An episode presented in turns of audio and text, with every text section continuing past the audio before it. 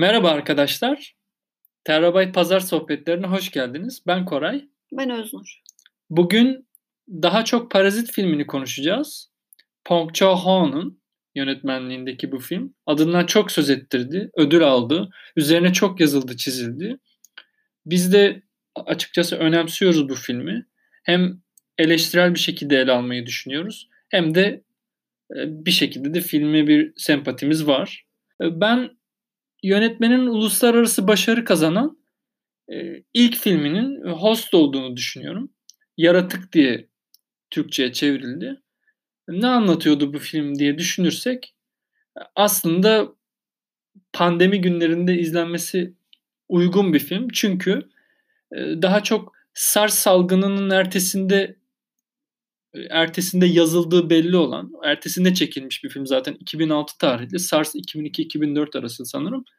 Ee, Güney Kore'de Amerikan Amerikalıların yaptığı kimyasal bir deney sonucu nehre boşalttıkları çeşitli kimyasalların yarattığı bir yaratık şehre korku salıyor. Filmin özeti bu.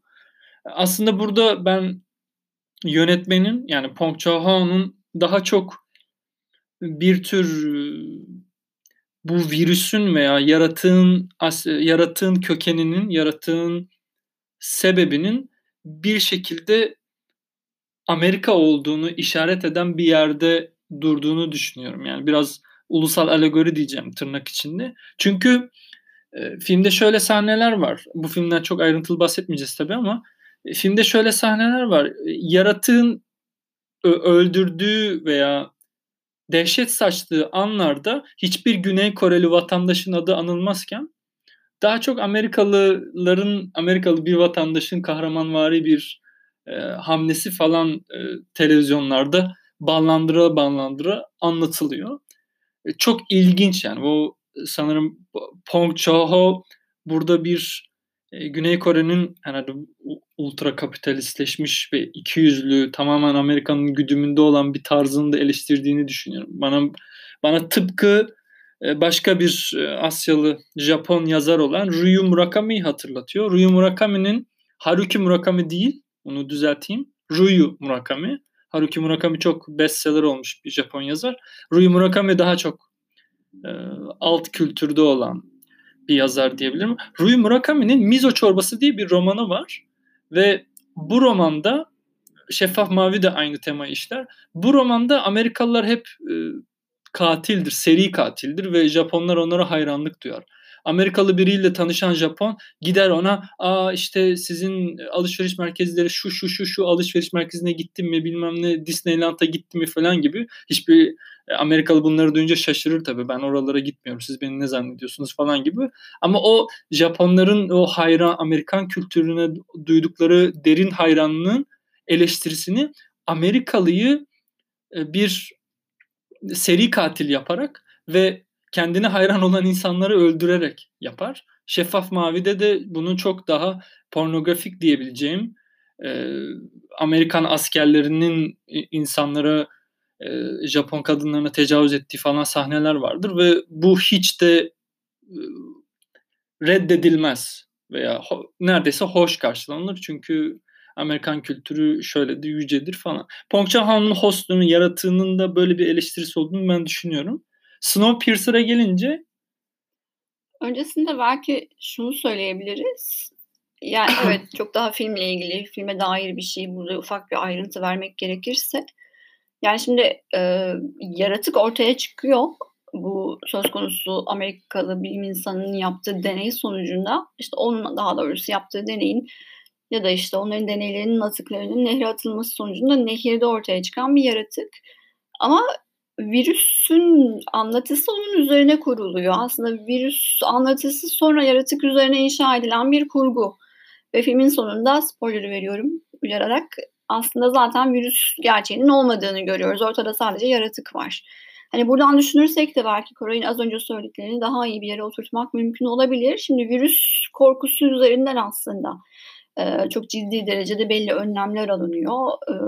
belli denetlemelere gidiliyor. Ama esas tehlike sadece yaratık. Hani bence burada aslında senin söylediğin şeyi Koray bu ikisi arasında oynayarak yapıyor. Ortada gerçek bir tehdit var, yaratık. Ama üzerine kurulan her şey olmayan bir tehdit. Yani salgın. Yani ortada bir yaratıktan kaynaklanan bir virüs yok ama biz virüsle savaşıyoruz. Yani aslında bu filmde biz olmayan bir şeyle savaşıyoruz ama asıl sorunu görmüyoruz e, diyerek bence bunu yansıtıyor. Senin söylediğin e, durumu yansıtıyor. Ulusal alegoriyi bence bu şekilde kuruyor. Hani tabii ki filmin her yerinde Amerika vurgusu var. Filmin her yerinde arka planda bir Amerika e, kavramı, konsepti var. Zaten yaratıktan sorumlu olan da Amerika. Bunu bu şekilde araya e, şey yapmak istedim, dahil etmek istedim. Snowpiercer demiştin.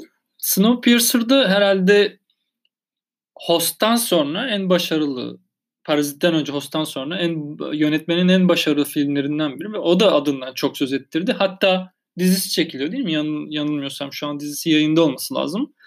Ee, Snowpiercer'da ne anlatıyor diye kısaca düşünürsek aslında yani Parazit'te de bahsedeceğimiz te- temaları içeriyor.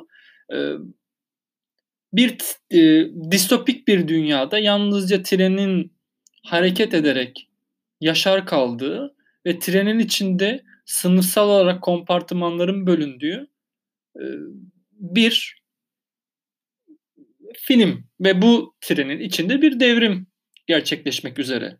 E, alt sınıflar, en arka vagonlar, en ön vagona doğru gitmek istiyor. En ön vagon yönetici sınıf vesaire istediğiniz gibi yorumlayabilirsiniz. Tabi bu en arka vagonların öne doğru olan yolculuğunu izliyoruz aslında film boyunca ve trende de e, kompartıman korkman veya vagon vagon gittiğimizde bu trenin evreninin ideolojik dünyasının nasıl kurulduğunu görüyoruz. Yani söz gelimi eğitim sistemi nasıl e, işte tren hareket etmezse neler olur? Tren hep ilerlemek zorunda. Trenin mucidi yaratıcısı veya trenin motoru nasıl tanrı bir insan, nasıl e, yüce bir insan.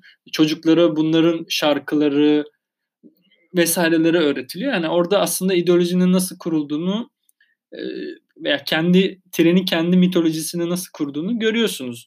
Onun içinde onun dışında insanların nasıl beslendiği, bu trenin neyle döndüğü, yiyecekler, enerji kaynağı vesaire bunları da film boyunca vagon vagon gittikçe görüyorsunuz. Distopik bir film.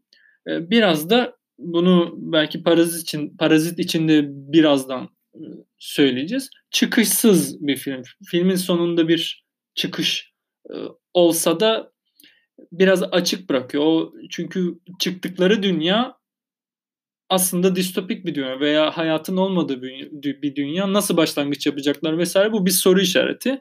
Her neyse. Parazite gelelim. E, istersen Parazit'te de Öznur'a sözü vereyim. Yani şimdi Snowpiercer'dan aslında bahsetme gereksinimi biraz hani Parazit'in açtığı yol hani Parazit'i seyrettikten sonra Snowpiercer'ı seyredince yönetmenin derdinin aslında bu belki işte ezilen e, ve ezen arasındaki diyalektik arasındaki ilişki olduğunu düşünebiliyoruz. Ben de uyandırdığı şey buydu. Çünkü iki filmde de net bir şekilde bu ilişki var. İki filmde de net bir şekilde e, kaba bir e, aşılmaz bir fark e, var neredeyse ve bu farkın, bu yoksulluğun, bu e, ikisinin arasındaki bu ilişkinin şiddetiyle aslında ürperiyoruz ve e, Parazit'te biraz farklı olan işin içerisinde mizahın girmesi e, bir kısım. Filmin ilk kısmının çok aşırı mizah unsurları içeren bir film olması filmin ikinci kısmının birden ani bir şekilde e, şiddet içeren ve şiddetli bir e, yoksulluk e, gösterisine dönüştüğünü görüyoruz. Yani insanı gerçekten e, hoş olmayan hisler içerisinde bırakıyor ve hislerin kendi içerisinde hislerinin e, karmaşa içerisinde kalmasına sebebiyet veriyor. Yani zıtlıklar diyebiliriz aslında net bir şekilde bu iki filmin üzerine oynadığı şey bir zıtlık, bir tezat ve bilhassa tabii ki yoksulluğun gerçekliği ve bunu çok net bir şekilde göstermesi. Yani herkes parazitle ilgili sonrasında bunu hissetti, sarsılmışa döndü. Şimdi buradan yola çıkarak baktığımızda Snowpiercer'ı izlemek aslında yönetmenin biraz kafasındaki dünyayı anlamamızı daha iyi sağlıyor diye düşünüyorum. Ben Snowpiercer'dan o yüzden bahsetmek istedim. Bunu da zaten hani ikisini izleyen insanlar arasındaki benzerlikleri görmeden edemiyorlar. Ee, sadece Snowpiercer'dan farklı olarak e, Parazit bunu kapitalist bir düzlem içerisinde ele aldığını iddia ediyor. Ne kadar öyle bunu da tartışabiliriz. E, bu yüzden bence bu e, Parazit'le ilgili e, sohbetimize bu uzun girişten sonra bu yönetmenin Parazit'le ilgili söylediği bir deyişle başlayalım. Kendisinin Parazit'i nasıl yorumladığıyla başlayalım. Evet, Parazit'i yönetmen şöyle demişti. Parazit'in dünya çapındaki başarısı sanırım hepimizin aynı ülkede yaşadığını yani kapitalizm denen aynı ülkede yaşadığımızın bir göstergesidir demişti. Başarısını buna bağlıyordu. Tabii yönetmen bunu aslında Parazit filmi için söylemişti. Kapitalizm denen aynı ülkede yaşamak. Ben kapitalizm eleştirisinin Parazit'te değil de daha çok Snowpiercer'a daha uygun olduğunu düşünüyorum. Yani Snowpiercer'da bazı elementler kapitalizm eleştirisine kapitalizm denen aynı ülkede yaşıyor olduğumuzun bir sembolü veya temsili olan bu filmi daha uygun olduğunu düşünüyorum. E, nedir o diye düşünürsek ve sorarsak Snowpiercer aslında e, bir ilerleme tarihin ilerlemeci anlayışının eleştirisi. Bunu böyle de görebiliriz. Çünkü e, hatırlarsanız film boyunca tren kendisini meşrulaştırmak için ideolojik müdahaleler yapıyor. Eğitim sistemi vesaire bunlardan bahsetmiştik. İlerleme tarih hep biz tarih tasarımını hep ilerlemeci, hep e, önceki formları yok eden, önceki eski formları e, antik e, antikiteden feodalizme, feodalizmden kapitalizme ve sonrasına hep bir tren gibi görüyoruz tarihi. Burada da hemen aklımıza Walter Benjamin'in tarih eleştirisi gelecektir. Nedir bu eleştiri? Walter Benjamin tarihi ilerlemeci bir e, tren gibi, trenin sürekli ileriye doğru, ufka doğru giden e, anlayışının tersine devrimleri ta, trenin durdurulması olarak görür. Bir imdat freni e, metaforunu ku- kullanır. Yani tarihin askıya alınmasını e, öne sürer. Tarihi askıya alarak aslında tam da raylardan çıkarız, trenden ineriz. Snowpiercer'da, Snowpiercer'da da aslında olan bu.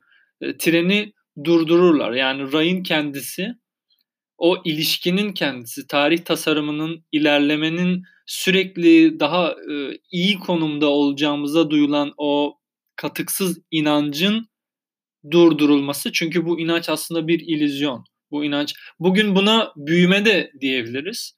E, pek çok problemimizin ana kaynağı olarak yani kapitalizmin esas meselesi olarak hep büyümek zorunda olan, hep genişlemek zorunda olan bir e, yapı yoksa yok olacak.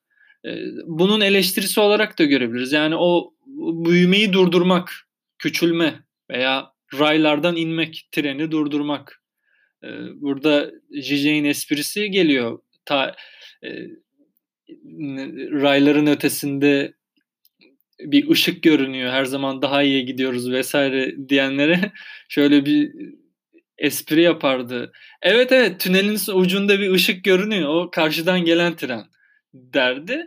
E, Snowpiercer'ın bu açıdan e, kapitalizmin ilerlemeci anlayışının eleştirisi olarak Walter Benjamin'ci anlamda e, imdat frenini çekerek treni yok eden ve raylardan inen dolayısıyla devrim yapan bir yerde durduğunu söyleyebilirim.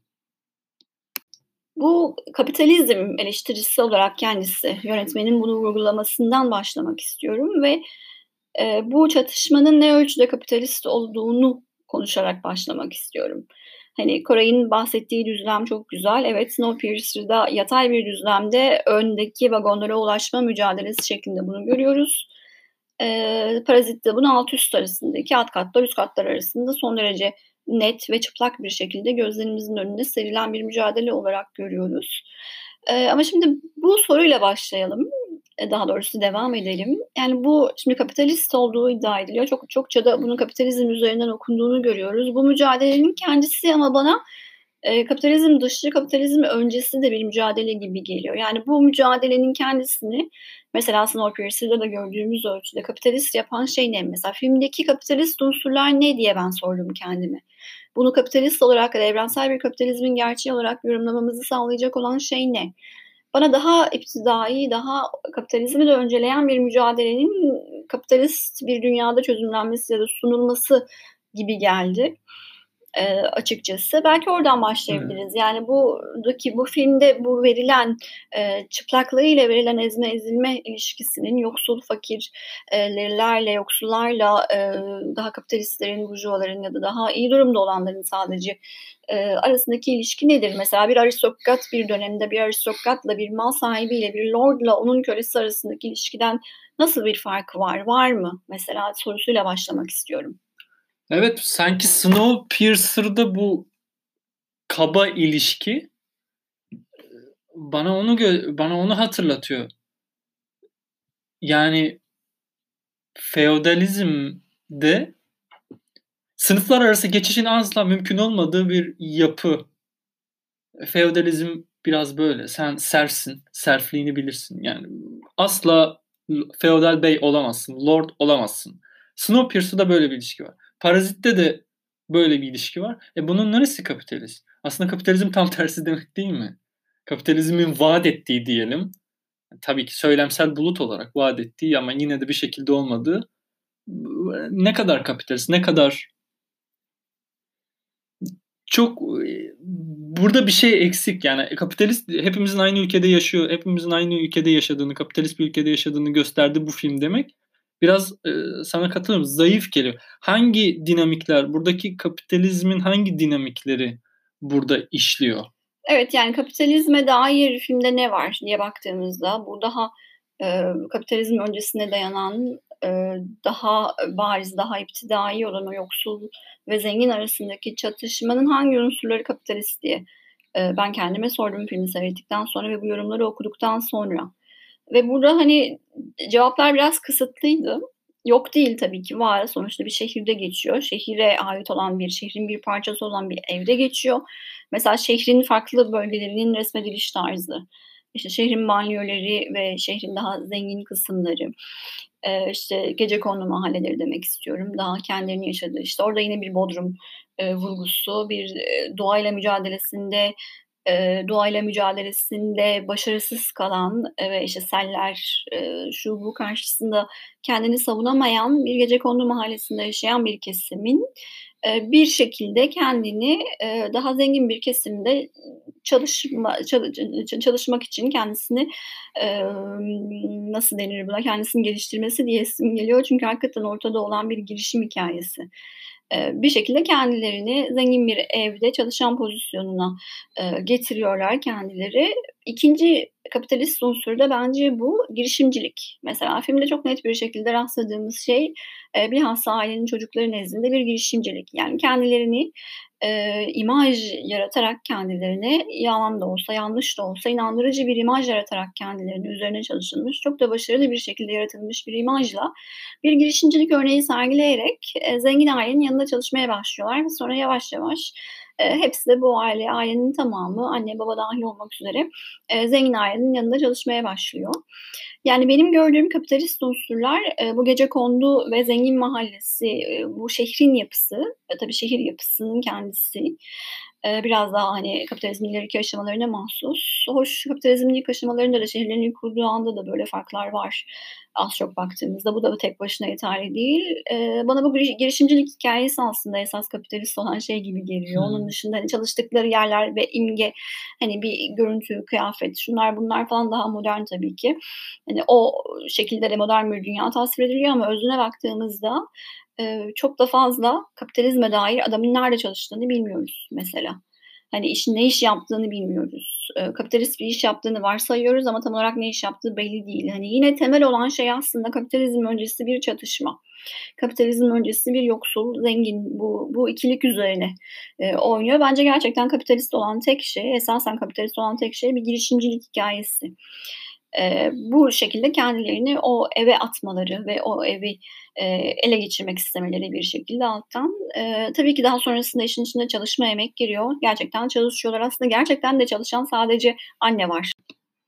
Şimdi filmin başındaki ailenin yaptığı işi düşününce bir yandan da onun da kapitalizmin geç dönemine mahsus olduğunu görebiliriz değil mi? Ne yapıyorlardı? Pizza kutularını katlamakla görevlilerdi.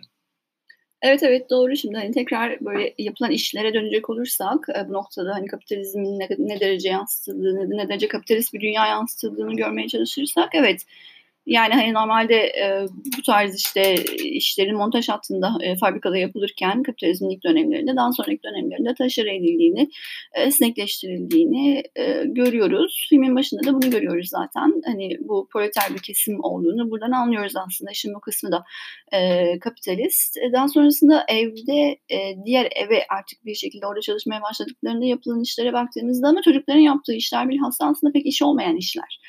Hani belki David Graeber'in biraz hani e, zırva işleyebileceği işler mi acaba bilmiyorum ama onlara bunlar giriyor mu? Hani bir, kendilerine bir beyaz yakalı iş yaratıyorlar. Biri işte kendisini öğretmen olarak lanse ediyor. Bu tabii öğretmene ne kadar beyaz yakalı denilebilir e, orası da şüpheli ama hani kendini lanse ediş tarzı biraz öyle. Hani işin PR'ı biraz öyle. Kızınki tamamen öyle. E, bir hikaye yazıyorlar aslında kendilerini ve bir imaj oluşturuyorlar. Hani şimdi bu dünyada da biraz daha çok böyledir ya esas yetkinliklerden daha önemlisi artık biraz imaj olmaya başladı işte. Ee, Instagram ünlüleri ortaya çıkıyor. Ee, yani kendini nasıl lanse ettiğin, e, bir şey nasıl sunduğun e, daha önemli hale gelmeye başladı. Bu da hani şimdiki zamana biraz e, konuşuyor bence. Bu noktada ben hani kapitalist unsurları bunlarda görüyorum ama esas antagonizmanın kendisi zengin yoksul arasındaki ilişki e, bunu da aşan bir yerde kuruluyor gibi geliyor bana. Hani ücretli emek ilişkisini çok görmüyoruz. Para aldıklarını biliyoruz ama o parayla ne yaptıkları ya da hayatlarının kalitesini arttırmaya çalıştıkları da pek görülmüyor. Tek dertleri o eve girmek, o eve sahip olmak. olmak. Yani ve hani daha bilhassa da Bodrum'daki alt sınıflar arası çatışmaya geldiğimizde hepten mesela artık buraya kayıyor. Hani bir orada olma ve hani efendi gibi görme orada yaşayan insanı. E, böyle daha e, böyle unsurlar da ortaya çıkmaya başlıyor ve hani filmin esas meselesinin aslında o eve sahip olma, o evde olma, hani bir para e, sahip olarak sınıf atlama ya da kendisi belli şeylere sahip olabilme durumundan daha ziyade onlar olma ve o eve sahip olma olduğunu hmm. görmeye başlıyoruz. Ben hani bu yüzden biraz kapitalizm unsurlarının da haksızlık aldığını düşünüyorum. Aslında ben her iki filmde de Biraz oraya gelmek istiyorum. Hem Snowpiercer'da hem e, Parazit'te ki Parazit'i daha iyi anlamamızı sağlayan e, Snowpiercer hakim olan şeyin daha çok bir saf haliyle efendi köre diyalektiği olduğunu düşünüyorum. Ve ben bu efe, efendi köre diyalektiğinin aslında şey olarak görüyorum biraz işte e, Jameson'dan o e, ta, e, ifadeyi ödünç alacak olursam af ve bungo olmayan yani senteze ermeyen bir diyalektik efendi köre diyalektiği. Yani bu çok temel bir şey. Hani bu sadece kapitalizmlere sınırlandırılamayacak olan bir şey. E, her iki filmde de aslında bize sunulan şey e, net bir efendi göre diyalektiği. Efendi bir şekilde e, bu işte daha çok hani Hegel'in yorumuna dayanarak baktığımızda ve işte Kojev e, okuması üzerinden Hegel'e baktığımızda efendi e, bir şekilde gerçekleştirdiği bir fikir sayesinde e, kendisi doğayı e, hükmetmeyi başarmış kişi.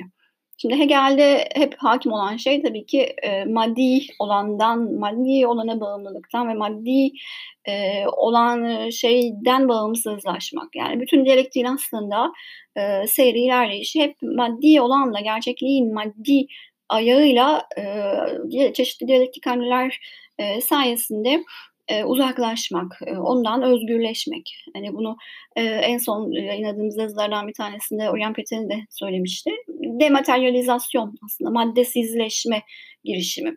Hani Hegel'in felsefesinin her türlü adımında, her türlü noktasında bunu görebiliriz. Maddeden e, soy, maddeden uzaklaşma ve bunu mesela e, Hegel bu soyut ve somut e, kelimelerine verdiğimiz anlamın tersine çevirerek bunu yapar mesela. Onun içinde en dolayımlı olan, bilincin en fazla dolayımına girmiş olan şey somuttur. Hani bizim şimdi genel geçer dilimizde e, somut dediğimiz şey tabii ki bize verili olan şeydir ya. Mesela Hegel'de bu tam tersidir. Hegel'de asıl somut olan şey e, sürekli dolayımdan geçen, bilincin dolayımından geçen, sürekli diyalektik olumsuzlama aşamasından geçerek senteze uğrayan şey en somuttur mesela. Ve burada tabii ki doğa çok ciddi bir öneme sahip. Doğal bağımlılıklardan bağımsız olmak, doğal bağımlılıklardan kendini e, özgürleştirmek ve varoluşun maddi ayağından, e, doğayla ilişkilendirdiği ayağından e, özgürleşmek ve sürekli diyalektik bir hamleyle e, ondan bir adım öteye ilerlemek söz konusu. Ee, şimdi bu efendi köle diyalektiğinde e, efendi verili olarak doğaya hükmetmiş. Belli bir mücadele sonucunda e, doğa karşısında e, hakimiyet elde etmiş kişi olduğu için e, gerçek bir özgürlüğe sahip Hegel'in dilinden bakacak olursak.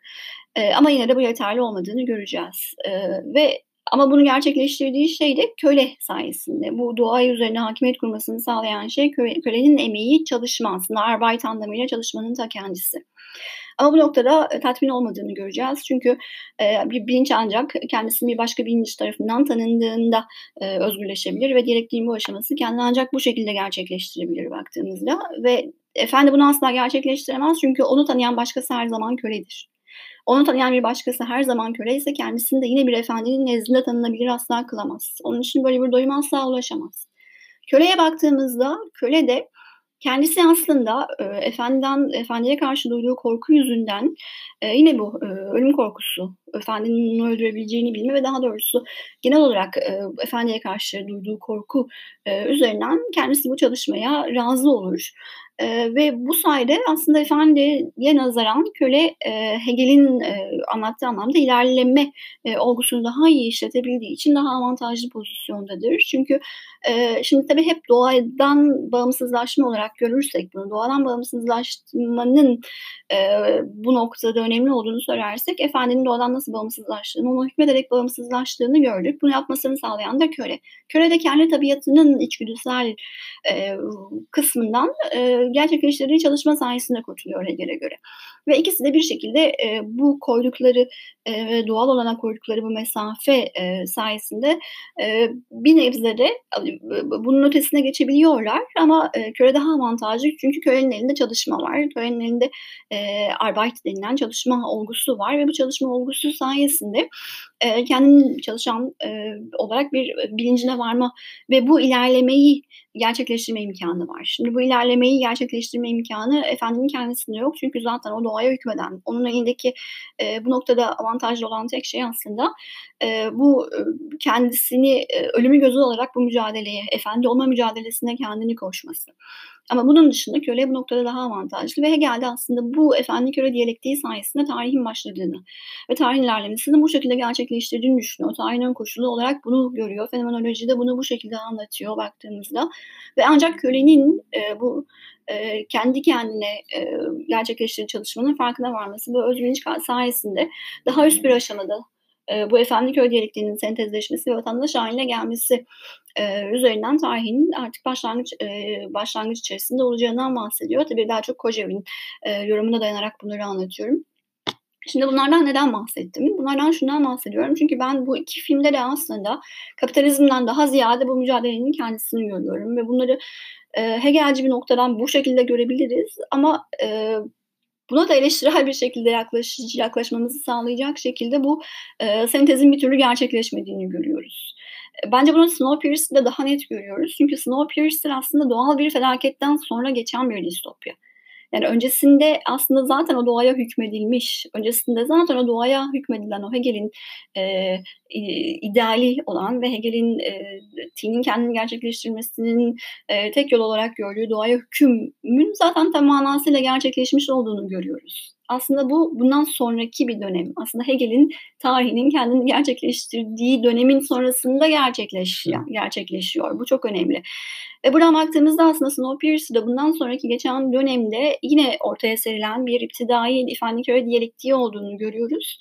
E, ama senteze ulaşamaz, ulaşamıyor çünkü zaten doğaya hükmetmek ve doğayı e, bu şekilde kendi boyunduruğu altına almak e, bir felakete sebebiyet vermiş. Zaten bir çevre felaketi yaşanmış. Zaten bu felaket sonrasında e, kendini kurtarmak için insanlar bir trene kendini atmış.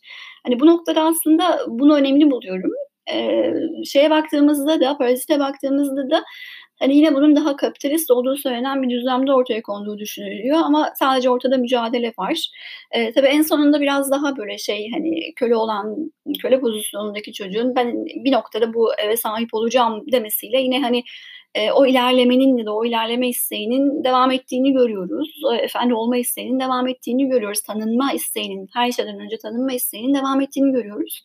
Hani e, bu açıdan bir farklılık var ikisinin arasında. Bence sadece bu şekilde okunabileceğini düşünüyorum bu ikisinin.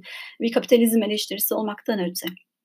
Aslında bu dediğin tam da yani köle efendinin kapitalist ilişki yerine aslında köle efendi ilişkisinin parazitteki bence en belirgin tezahürü bu gizlice evlerine sızdıklarında bir şekilde geri geliyor ev sahipleri ve kendilerini saklamak zorunda kalıyorlar masanın altında vesaire.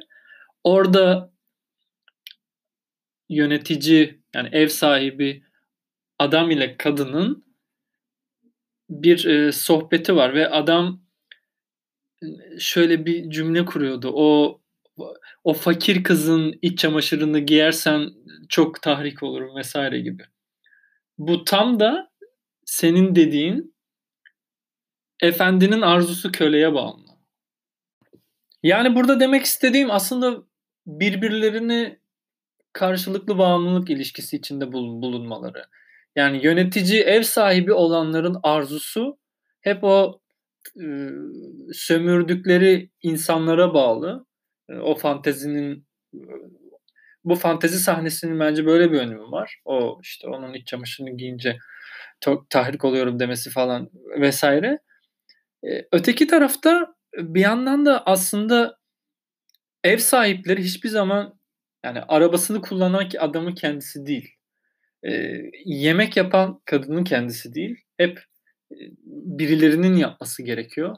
Veya kızlarının da bir şeyler öğrenmesi için dışarıdan hoca tutmaları. Aslında hep bu bağımlılık ilişkisi e, parazitik olan da bu. Yani belki kapitalist unsur olarak bunu söyleyebiliriz. Hani film tamamen e, ne şekillerde temsil ediyor, ne şekillerde edemiyor'yu konuşuyoruz. E, parazitik parazitik olan ilişki bu karşılıklı bağımlılık ilişkisi. Aslında hani sermayenin o çelişkisine benziyor.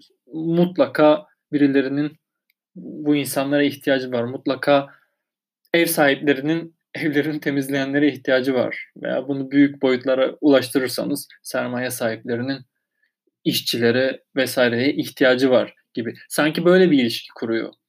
Bunu büyük büyük ölçekte düşündüğümüzde bu bağımlılık ilişkisinin kendisi parazit olan ve belki de daha can sıkıcı olan çocuğun çocuğun evi alması alamadı, alıp almadığını bilmiyoruz. Hayali Pardon, bu. çocuğun evi e, almayı düşlemesi.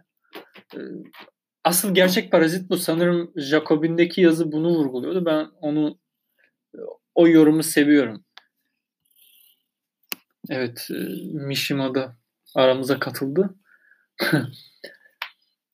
bu ev idealinin kendisinin parazit olma. Bunu bundan kurtulamıyoruz işte. Bu bu yönetmende benim sevmediğim özellik bu. Yani tıpkı Snowpiercer'da tamam treni patlatıyorsun ama dışarı çıktığın dünya zaten tarihin sonundan sonraki bir dünya neredeyse. Ama Parazit'teki dünya yani ev sahipleri o büyük klimaktik sahnede ev sahiplerinin birbirleri ev sahibinin öldürüldüğü vesaire yani iki sınıfın birbiriyle tam bir angaja olduğu, çatışmaya girdiği yerden sonra çocuğun ideali hala bir şekilde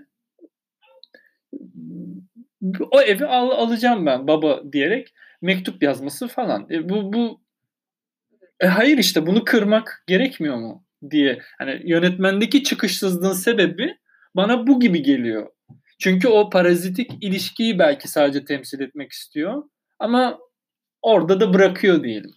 Aslında benim hani bunları hem Snowpiercer'ı hem e, Parazit'i bu e, senteze ulaşamayan efendi köre diyalektiği olarak yorumlamamın sebebi de bu. Yani zaten efendi köre diyalektiği aslında e, bu iki birbirini tanınma ilişkisi içerisinde bu iki kesimin, bu ikisinin arasındaki farkın e, karşılıklı imhaya, net bir imhaya yol açmaması. Yani ancak bu sayede, bu karşılıklı imhaya yol açmaması sayesinde ve bilhassa körenin kendi emeği, kendi çalışması, bunu emek dememek lazım belki, iki kelimenin arasında fark var. Arbeit olarak anılan çalışması sayesinde aslında e, bu iki tarafın birbirini imha etmeden yani biyolojik bir so imha ile sonuçlanmadan e, tarihin koşulu olacak şekilde bu e, etkinliği, edimi e, başlatabilmeleri ve gerçek anlamda bilgiyi aslında başlatabilmeleri, bilgi sürecine girilebilmesi. Şimdi bu ikisinde de bunu göremiyoruz. Zaten Snowpiercer dediğim gibi hani doğayla dönük olarak bu zihniyetin, doğaya dönük olarak bu anlayışın kendisinin sonrasında geçen bir dönem. Belki şimdi içinde bulunduğumuz dönemi de böyle adlandırabiliriz. Zaten artık doğal felaket gerçekleşmiş, insanlığın sonu gelmiş. O Hegel'in belki diyalektiğinin son noktasına ulaştığı kültürel yapılar tamamen artık buzun karların altında kalmış. Bu medeniyet algısı, bu medeniyet ideali ideali zaten çökmüş, elde edilmiş ve çökmüş. Doğa yine e, kendisini dayatmış. E, o Hegel'in e, tamamen kurtulmak istediği doğa ya da tamamen her şekilde diyalektik ilerlemeyi e, doğal unsurların üzerine geçerek ya da onları içererek e, aşmaya bağladığı e, bu e, doğa dediğimiz şey zaten tekrar kendi hükümdarlığını ilan etmiş durumda. Zaten aslında bunun sonrasındaki bir dönemdeyiz. Ve daha sonrasında e, Kore'nin de bahsettiği bir umut olarak belki sonunda var mı dedikleri e, bu e, çatışma sonrasında e, tren, tren yıkılıyor e, artık. E, trenin yıkılmasıyla sonuçlanıyor bu efendi köle arasındaki çatışma. E, son, çünkü e, efendi de onlara diyor ki ben de sizin pozisyonunuzdaydım. Burada da efendi köle diyalektiğiyle ilgili bir e, atıf olduğunu düşünüyorum ben bunun. Tabii ki yönetmen bunu bilerek yaptı demiyorum ama böyle yorumlay yorumlayabildiğimizi düşünüyorum. Hani son buluşmalarında artık ön vagonlara ulaşıyorlar ve e, bu e, daha çok kölelerin isyanının başındaki kişi e, bu treni kuran kişiyle karşılaşıyor nihayet ya da artık onun e, ondan sonra gelen kişi miydi galiba kişinin kendisi miydi ikisinden bir tanesi galiba ve daha sonrasında şeyi öğreniyor aslında o da oradaki efendi pozisyonundaki kişi de aslında bir zamanlar köleymiş. Yani aslında zaten o olduğu yere bu mücadele sayesinde gelmiş. Ve bundan sonrası da artık e, ya sen benim pozisyonumda olursun gibi bir noktaya varıyor. Ve bunu kabul etmiyorlar. E, tren yıkılıyor ve bir şekilde trene çocuğun da çıktığı, tabii bir umut sahnesi yeniden başlangıç çocuk. E, çıktığı bir e, karlara çıkma, doğaya çıkma e, kurgusu görüyoruz. Şimdi bu ne kadar e, umutlu bir sahne aslında yani gerçekten de hani o doğayla mücadele içerisinde doğanın hakim geldiği ve insanların bir trenin içerisinde sıkıştırıldıkları ve bu post apokaliptik kurguda yeniden bir karlara çıkış imkanı bu şekilde bitiyor. Şimdi bunu bir umut olarak mı görebiliriz, nasıl görebiliriz? bu tartışılabilir ama sonucu bu. E, parazitteki sonuçta yine imha aslında karşılıklı bir imha, bir biyolojik ölüm gerçekten de ki zaten Efendi Köre diyalektiğinin amacı bundan kaçınmaktı e, bu şekilde kendi edimiyle ve e, karşılıklı birbirini tanıma, e, tanınma edimi sayesinde e, tarihin başlangıcı daha önce de söylediğim gibi ama ölümle sona eriyor. Yani bir sentez e, gerçekleşmiyor burada da. Çocuğun kendisi hala bu mücadeleyi temsil ediyor. Evet çocuğun kendisi hala tanınmak istiyor. Hala o eve sahip olmak istiyor. Burada da böyle bitiyor. E, aslına bakarsak e, bir noktada hala bu diyalektiğin, Efendiköy diyalektiğinin, bu mücadelenin devam ettiğini görüyoruz. Ama ortada bir çalışma yok. Şimdi bir de böyle bir durum var. Hani şimdi Efendiköy diyalektiğinde gerçekten hani köle efendinin işini yapıyor ve doğaya hükmetmesi için gereken işi çalışmayı gerçekleştiriyor. Demiştik hani anne belki bunu yapıyor gerçekten de ama diğerlerinin aslında sahip oldukları işler de iş değil. Bu en son paylaştığımız David Graeber videosunda olduğu gibi aslında bir noktada zırva işler. Hani çocuğun yaptığı iş e, mürebbiye öğretmenlik yapıyor ama bilmiyoruz hakikaten öğretiyor mu öğretmiyor mu? Çünkü aslında öğrettiği şey bir test sistemini kafasına sokmaya çalışıyor benim gördüğüm kadarıyla. Hani gerçekten bir bilgi anlattığını ben görmedim hani bir şekilde testte nasıl görünmesi gerektiğini, testi nasıl çözülmesi gerektiğini öğretiyor. Bu da bir noktada bir zırva iş aslına bakarsak. Yani kızın yaptığı iş zaten hepten zırva bir iş. Çocuğa e, olmadık bir yetenek atfediyor. İşte anne buna bayılıyor. E, bunun üzerinden bir kurgu aslında olmayan bir iş. Şimdi çocuğun zaten yaptığı iş aslında olmayan bir iş. Zaten zırva bir iş. Ortada bir arbeit bir çalışma da aslında yok bu noktada baktığımızda. Ben biraz böyle görüyorum ve bu iki filmi karşılıklı olarak böyle değerlendirebileceğimizi düşünüyorum. Evet, herhalde konuşacaklarımız bu kadardır diye düşünüyorum. E, bu son sahne Parazit'in son sahnesi herhalde çoğu kişi tarafından bu yüzden beğenilmedi. Çünkü herkes o çatışma, evet o intikam alındı. Kokudan ortaya çıkan, kokuyu pek konuşmadık ama çok konuşulduğu için konuşmadık aslında. O koku lafını duyunca adamın ev sahibini öldürmesi vesaire. Herkes orada bitirilmesi gerektiğini düşünmüştü filmin. Ama tam tersi o sanki parazitin kendisini anlatarak yine bizi aynı zincirlere mahkum ettiği gibi bir yönetmen en azından. Böyle düşünüyorum. Evet bizden bu kadar. Teşekkürler. Hoşçakalın.